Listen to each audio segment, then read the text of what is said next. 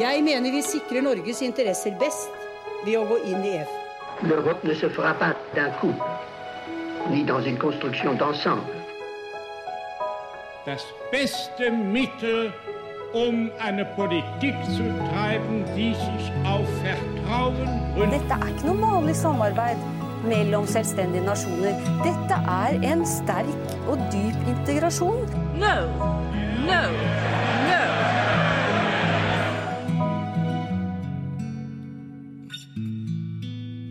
Velkommen til Det europeiske kvarter, en podkast om europeisk politikk og historie.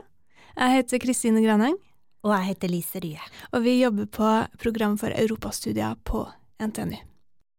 Ein gemischter Chor aus dem Hause Albrecht, dem Vater, dem Ehemann und dem Jäger einen Yachtkanon bringt. Vielen Dank, Herr Roland. Tra, es tönt wie Jagdgesang. Tra, es tönt wie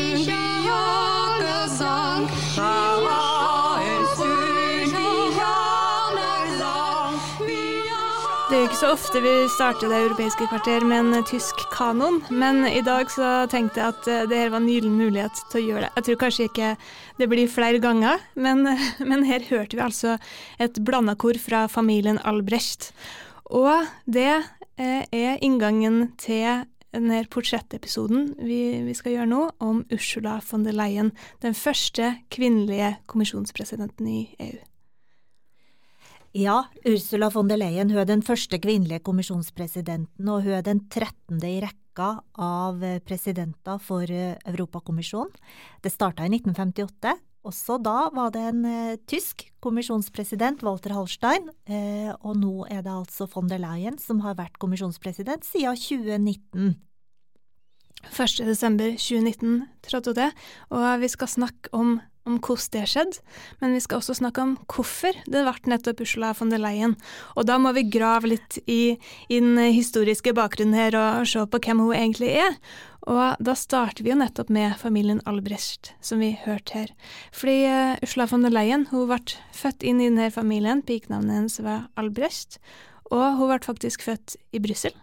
Ja, det stemmer. Hun bodde i Brussel eh, fram til hun var tenåring. Mm, Hun ble født det samme året som Hallstein tok til som kommisjonspresident. Det stemmer. Hun var født i 1958, og det var også det året da eh, faren hennes eh, ble utnevnt som Eller han var en sånn europeisk toppbyråkrat, da, i Mm. Jobba i et av de viktigste eh, ja, departementene, kan man kalle det, Lise. Generaldirektorat for konkurranse. Ja, absolutt. Eh, For konkurransepolitikk, det var jo noe man starta med fra begynnelsen av, eh, når man oppretta Når eh, de her seks landene oppretta det europeiske økonomiske fellesskapet. Og det var et departement, da, om du vil, som Tyskland hadde stor interesse av, og som Tyskland prega. Mm. Og, og Ernst Albrecht, som det, han, han fikk jo en veldig fremtredende rolle i det departementet. Han ble leder, eh, direktør, Ja, han- generaldirektør. Generaldirektør for, direk for Generaldirektoratet, ja, det stemmer det. Først så var han jo sjef du kabinett, eller ekspedisjonssjef kanskje vi kan si, for, for Hans von der Groben, som var altså konkurransekommissær i Hallstein-kommisjonen. Eh, og så blir han eh, generaldirektør. Eh, Mm. Så det var i denne konteksten Ursula von der Leyen tilbrakt sine første ja, 13 ja, hun- leveår i Brussel. Lærte seg fransk, gikk på den europeiske skolen der. Samme skole som Boris Johnson gikk på noen år etter henne. Det har de snakka om når de har møttes eh, i Downing Street 10 eh, for å diskutere eh, ja, et, Ja. et eh, forhold som har blitt litt mer krevende. Det stemmer. De er jo begge barn av sånne eurokrater, da, og Mm. den, eh, det ble jo oppretta en sånn skole for barn av EU-byråkrater i Mm. Men har Brussel på altså gått- Veldig forskjellige veier. Ja. For den her europeiske bakgrunnen, den, den eh, skal vi komme tilbake til, den har jo prega eh, Ursula von der Leyen. Men, men hun blir jo ikke der hele i alle ungdomsårene. Etter hvert så flytter de tilbake til Tyskland, til eh, Niedersachsen eh, og Hanover, der, eh, der familien opprinnelig kommer fra. Og eh, faren han blir en veldig prominent CDU-politiker i Niedersachsen. Han blir ministerpresident for CDU i 1976. Det, det er han fram til 1990, altså 14 år. En lang periode.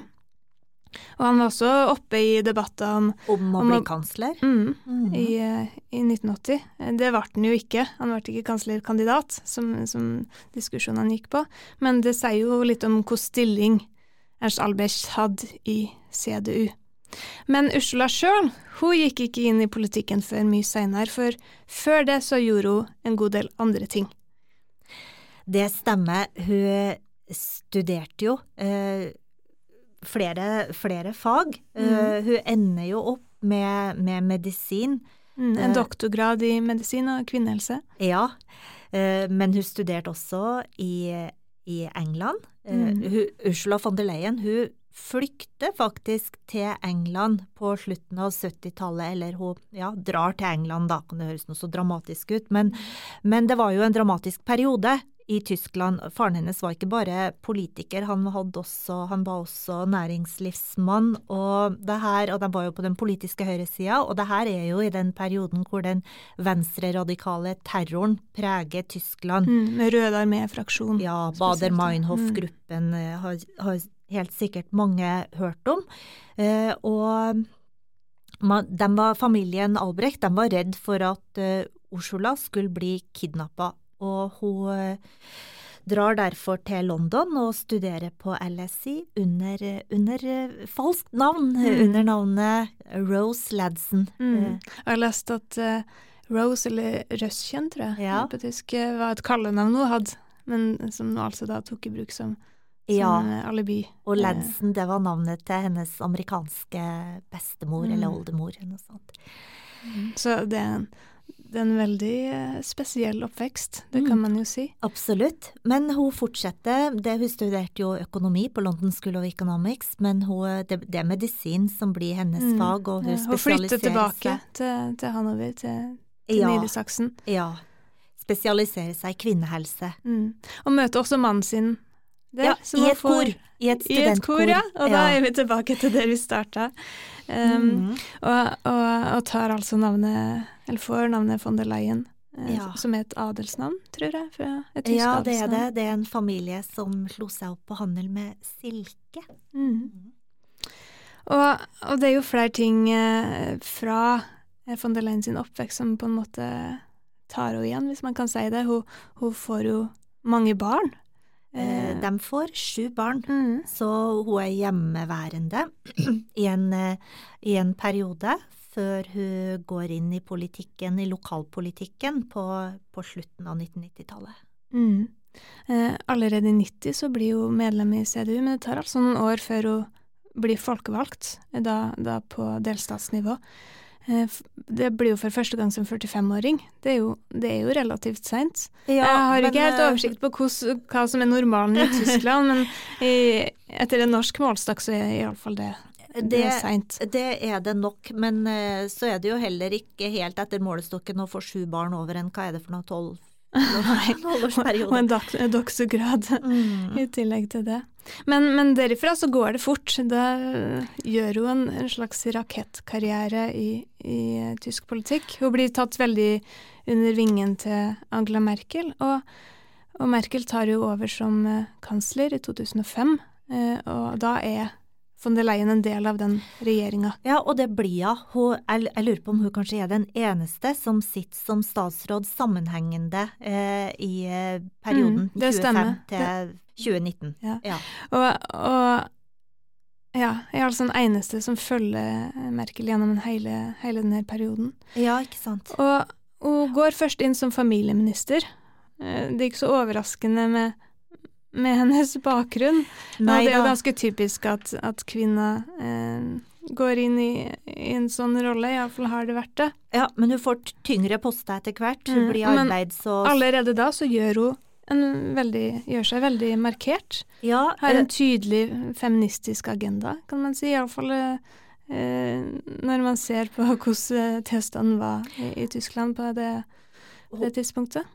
Hun får vel innført eh, foreldrepermisjon, eller fedrekvote. Mm. En, en liten en, ja. En liten en, ja. Ja, absolutt. Uh, hun går videre til å bli arbeids- og, det arbeids- og sosialminister. Mm. Og der forsøker jeg også å få en sånn kvinnerepresentasjon i, i styra, Mm. sånn som vi eh, har det i Norge. Men det lykkes hun ikke med. Men hun jobber for det, at man skal eh, jobbe for at man på sikt skal få 40% kjønnsbalanse i, eh, i styra. Men det, Mm. det Det er jo politikk som får en del motbør i eh, relativt konservative CDO. Ja. Det, det er verdt å, å merke seg. Og, mm, men hun har ganske høy standing eh, som, som statsråd. Det første Det skjer et slags vendepunkt, eh, kanskje i 2010. Da er hun foreslått som eh, Eller inne i diskusjonene, iallfall, om å bli eh, forbundspresident i Tyskland. Men ender altså ikke opp med å, å få støtte til å bli det. Og, og sånn som jeg har lest det, så skjer det et eller annet i forhold til Merkel der. Det, det surner litt, iallfall.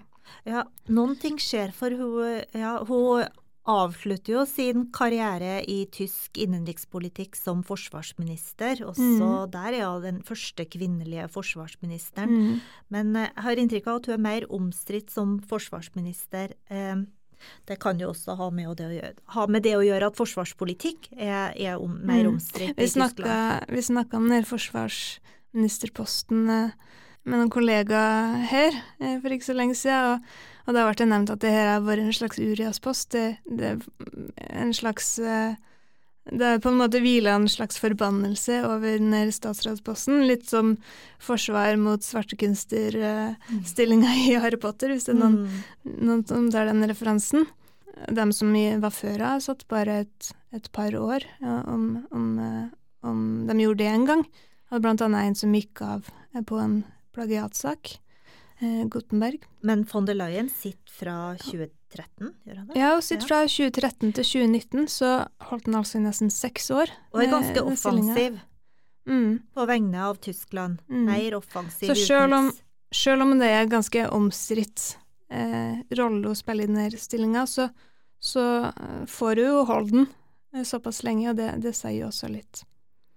Ja, det var i hvert fall omstridt i Tyskland da hun skulle bli, eller da hun ble nominert som eh, kommisjonspresident. Det var så omstridt at Tyskland var faktisk det eneste av EUs medlemsland som ikke deltok i avstemminga i Mm. Det europeiske råd.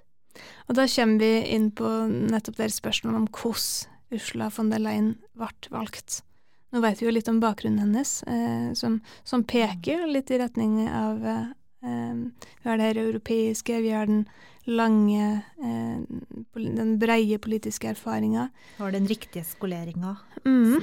Men, men eh, det var jo ikke selvsagt at von der Leyen skulle, skulle være en kandidat til, eh, til valget som, av kommisjonspresident Nei. i, i 2019. For hun var jo ikke kandidat. Mm. For i 2019 så var det en det var, det var lagt opp til en slags prosess som gjerne blir kalt Spitzenkandidatprosessen, altså det tyske ordet for eh, toppkandidat. En, en, man skulle ha en kandidat som, som eh, representerte de mer politiske eh, ja, samlingspartiene i Europaparlamentet, og det var dem som skulle være kandidat til kommisjonspresidenten. Ja, det stemmer. Eh, Den her Spitzenkandidaten-prosessen, vi hører jo på navnet hvor det her eh, kommer fra. Eh, Det var jo en prosess som Det handla vel om flere ting. Man ønska mer oppmerksomhet om valget til Europaparlamentet, og så ønska nok også Europaparlamentet sjøl mer kontroll med den utøvende makta, at det var et ledd i en utvikling i retning en sånn parlamentarisering av EU som politisk system. Så ideen var at eh, partigruppene skulle kjøre fram sin, hver sin toppkandidat, og det Mm. gjorde de. Og at velgerne skulle få mulighet til å stemme på dem. Ja.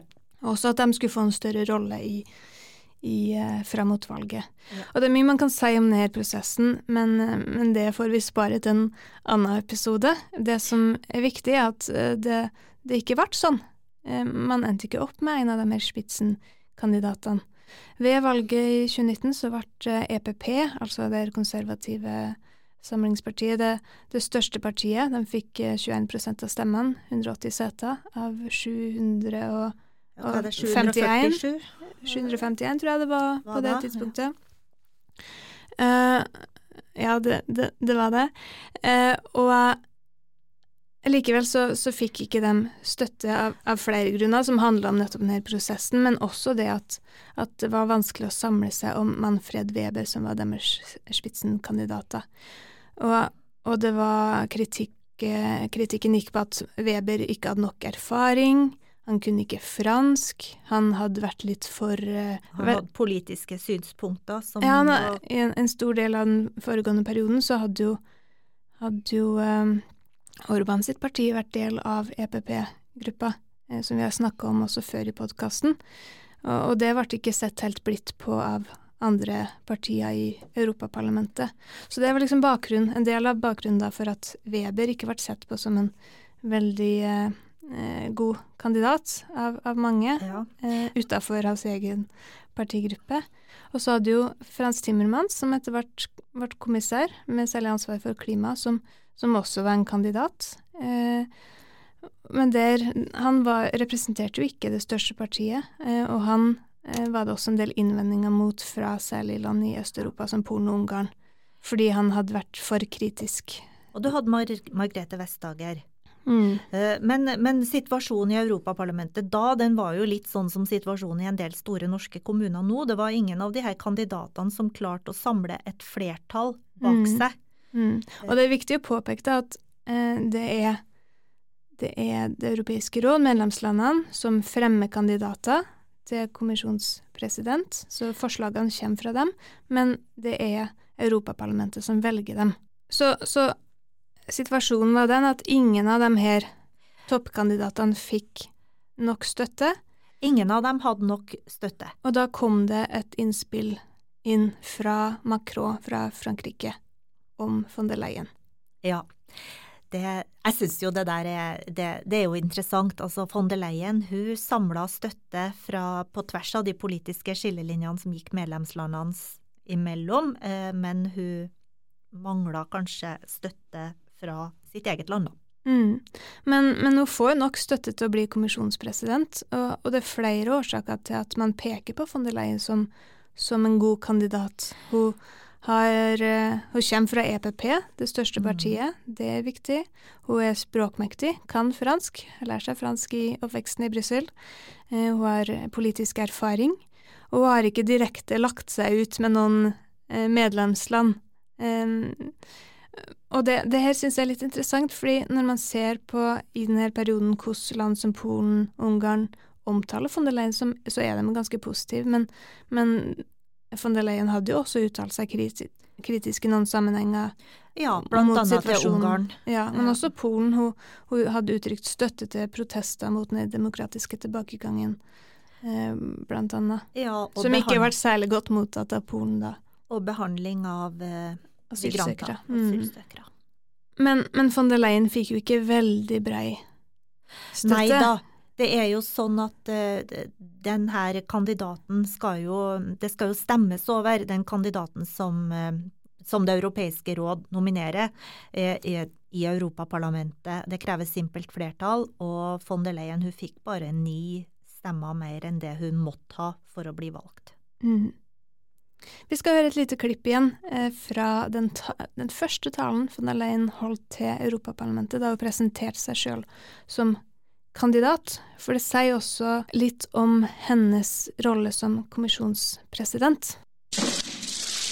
Il y a exactement 40 ans, la première présidente du Parlement européen, Simone Veil, est élue et présente sa vision d'une Europe plus unie et plus juste.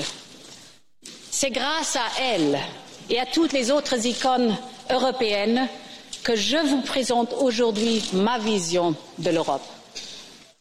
Et 40 ans plus tard, c'est avec une grande fierté que je puisse dire c'est finalement une femme qui est la candidate à la présidence de la Commission européenne. Det er endelig en eh, kvinnelig kandidat til vervet som kommisjonspresident, sier jo helt avslutningsvis her. Og vi snakka om det da vi diskuterte denne talen, den siste talen eh, til von der Leyen om unionens tilstand, at det er jo ikke tilfeldig hvilket språk eh, hun snakker på. Her. Hun velger jo altså å åpne talen sin på fransk.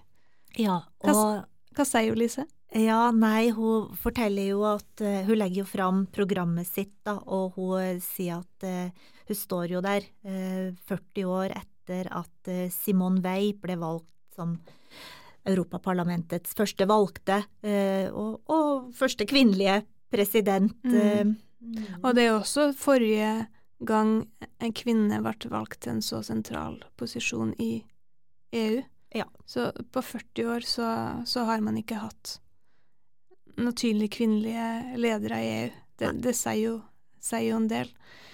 Og det sier jo også en del at du velger å fremheve det i, i uh, åpninga av, avtalen sin. Selve programmet har vi også snakka litt om. Eh, Det har jo vært noen tydelige hovedprioriteringer i von der Leyen sin periode. Um, særlig klima med EUs grønne giv. Det var jo tydelig helt fra starten. Eh, hun har snakka mye om å styrke EU sin geopolitiske posisjon, og der begrepet strategisk autonomi har jo bare blitt viktigere. Og hun har hatt digitalisering som en prioritering. Det har vi ikke snakka like mye om, men du nevnte jo Margrethe Vestager, Lise, som, som altså var en av toppkandidatene fra den eh, liberale grupperinga i Europaparlamentet, som, som ikke vant fram til å bli kommisjonspresident, men, Men som som- fikk en ble en del av eh, Ursula von der Leyen sin kommisjon. Mm, Og der var- har hun gjort seg bemerka. Ja, blant annet ved å ta opp kampen mot de store teknologigigantene som Twitter og Facebook, og, og i arbeidet med å utvikle ny regulering for eh, de mer digitale markedene og digitale tjenestene. Så, så det her er på en måte eh, prioriteringer som settes i forkant av eh, presidentskapet, men så vet vi at det, det skjer jo ting som, som endrer Ikke nødvendigvis endrer prioriteringene, men endrer agendaen i EU. Ja, og det har de jo absolutt gjort under eh, von der Leyens kommisjoner. Hun tiltrådte, som du sa, 1. desember i 2019, og fikk jo da fort pandemien i, eh, i fanget. Mm. Eh, og også krigen i Ukraina. Vi har jo snakka mye om det her tidligere, så jeg tror kanskje vi ikke skal, skal si så mye om, om politikken når vi, når vi ser på von der Leyen, men, men jeg tror det er viktig å påpeke hvilken betydning det har hatt for eh, von der Leyen sin rolle som kommisjonspresident. For eh, det her er jo litt vanskelig å si ting om, men sånn som det oppleves for mange, tror jeg, så har jo von der Leyen vært en veldig framtredende kommisjonspresident. Ja. eh, de her kommisjonspresidentene, som vi sa, de, det har jo vært til sammen 13 i tallet, og noen har fremstått som veldig synlig, offensiv, ambisiøs, eh, og andre har gått mer under radaren. Eh, Når von der Leyen eh, oppleves som en, eh, som en synlig kommisjonspresident, så tror jeg det har med flere forhold å gjøre. Eh, som du sa, konteksten. Så det er store internasjonale kriser som skal håndteres. Det handler òg om at kommisjonen har fått mye mer politikk, har blitt en, eh, skal si, en aktør med en mye bredere portefølje. Så handler det noe Mm. om Og også personlige tatt, tatt uh, Ja, en eh, større del av uh, politikkaka, hvis man kan si det sånn. Helseunion, for eksempel, er et godt eksempel på hvordan kommisjonen prøver å drive frem ny politikk. Absolutt, og Helseunionen har jo på en måte Arbeidet med Helseunionen må vi jo igjen se i sammenheng med pandemien. sant? Eh, Det har vi jo òg vært inn på før, men kommisjonen sin rolle har jo en viktig rolle i EU-systemet som den som setter dagsorden. Det ligger mye makt i å sette dagsorden. Du kan dra EU litt i de retningene du ønsker, og det har Fondeleien von der Leyen gjort. Mm. Et annet ting som er interessant, er det forholdet mellom institusjonene og, og kommisjonens rolle i det, og da må vi tilbake Ja. til en, en krevende sak, nemlig det som kalles Sofagate. Og vi skal høre det mest eh, eh, det mest berykta kremte i EUs historie. Um, Et kremt kan uttrykke mye. Åh, ja. Nei, det her er jo i, i april i 2021, når eh, Ursula von der Leyen og Charles Michel, som er president for en annen EU-institusjon og en president for Det europeiske råd, er på besøk hos Tyrkias president Erdogan. Og um, det som skjedde, var jo at Erdogan hadde rigga for det som ble en veldig pinlig uh, affære, først og fremst for han sjøl og Charles Michel, med at de ikke hadde satt frem en De hadde bare satt frem to stoler. Og så, så, von der Leyen står jo her i rommet og lurer på hva hun skal gjøre. Det, man kan jo kjenne seg igjen i den uh, følelsen. Ja. Og hun blir altså henvist til å sitte på en sofa ved sida av Mens Charles Michel med litt for stor selvfølge tar plass eh, ved sida av Erdogan. Mm. Og vi, vi, kan høre også på reaksjonen fra von der Leyen i etterkant. Mm. Uh, det her var, var en i Europaparlamentet. Ja, uttalelse i Europaparlamentet like etter. And this is how I expected to be treated when visiting Turkey two weeks ago, like a Commission president. But I was not. I cannot find any justification for what I was treated in the European treaties. So I have to conclude that it happened because I am a woman. Would this have happened if I had worn a suit and a tie? In the pictures of previous meetings, I did not see any shortage of chairs. But then again, I did not see any women in these pictures neither. I felt hurt and I felt alone as a woman and as a European. For å gå litt tilbake til det vi snakka om i stad, Lise, så tror jeg også at en av grunnene til at uh, von der Leyen har gjort seg så bemerka, er at hun er så tydelig. Og, og en veldig ja. god kommunikatør, syns jeg iallfall. Hun, hun gir veldig tydelig budskap. Enig. Og det hun sier her, er jo, og går jo også tilbake til det vi har snakka om tidligere, nemlig eh, hvordan vekt hun legger på det å være den første kvinnelige kommisjonspresidenten, og hvordan også det føyer seg inn i rekka av, av eh, hvordan hun på en måte har satt likestilling på agendaen tidligere i sin karriere. Hun tør å være personlig.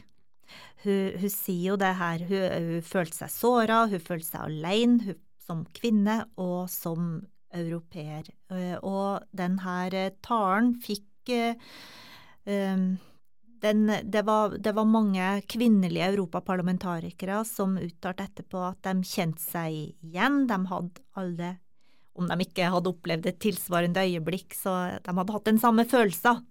Eh, og jeg tror hun mm. fikk mye anerkjennelse, nettopp ja. fordi at hun våga å sette ord på det. Ja. Og det er jo viktig å påpeke også at det er jo sånn som ikke skal skje i en diplomatisk setting. Det er alltid nøye planlagt og uh, ja. ja. Og man kan jo tolke ganske mye ut av det. Jeg tror ikke vi skal gå inn i det, men, men hun har tydelig grunn til å være være Vi kan ja, heller snakke om forholdet mellom kommisjonen og Det europeiske råd en, en annen gang. Ja, men, men for, å, for, å, oppsummere denne konflikten, hvis man skal kalle det det, så, så har det vært påpekt eh, både litt i forkant og særlig i etterkant av denne episoden at forholdet mellom van der Leyen og Charles Michel ikke har vært særlig varmt. Og, og det er jo eh, interessant å ha med seg, fordi, fordi, både fordi det sier noe om viktigheten av hvilke eh, personer som sitter i de her vervene, men også at det sier litt om forholdet som, eh, mellom institusjonene som vi absolutt må snakke mer om, om senere. En annen ting som, som, blir påpekt ved von der Leyen, er jo det, med motsatt fortegn, er jo det gode forholdet til Joe Biden som, som også er interessant å ha med seg. Eh, ja, Henry Kissinger blir jo ofte tillagt det sitatet 'Hvem er det man ringer når man skal ringe til EU?' Og, og, det er mange som mener det at i løpet av denne perioden så har de fått et svar. Man ringer til Ursula von der Leyen. Ja, Eh, nå vet ikke jeg om Joe Biden har ringt Ursula von der Leyen ofte, men, eh, men ja, eh, hun fremstår som si, lederen av EU i mye større grad enn f.eks. Charles Michel. Politico, som også har en egen europaredaksjon, de har jo ofte påpekt det her at det har blitt et ganske tett forhold mellom, mellom Det hvite hus og von der Leyen, særlig da i, i konteksten av krigen i Ukraina. Så det blir Ja. Det er interessant hvilken betydning det har hvilke personer som er i de ulike ja. stillingene. Og det tror jeg det er lett å glemme for oss statsvitere, men, men det er noe som dere historikere er, er veldig gode til å ja, vi er jo evig opptatt av utvikling over tid, da. Og med von der Leyen så har EU har blitt viktigere eh, under von der Leyen sitt presidentskap, dels av konteksten, dels av at porteføljen har blitt eh, mer omfattende, men også av hun og hennes evne til å ja, kommunisere med andre statsledere, løfte tema, sette dagsorden, gjør EU til en eh, sentral aktør.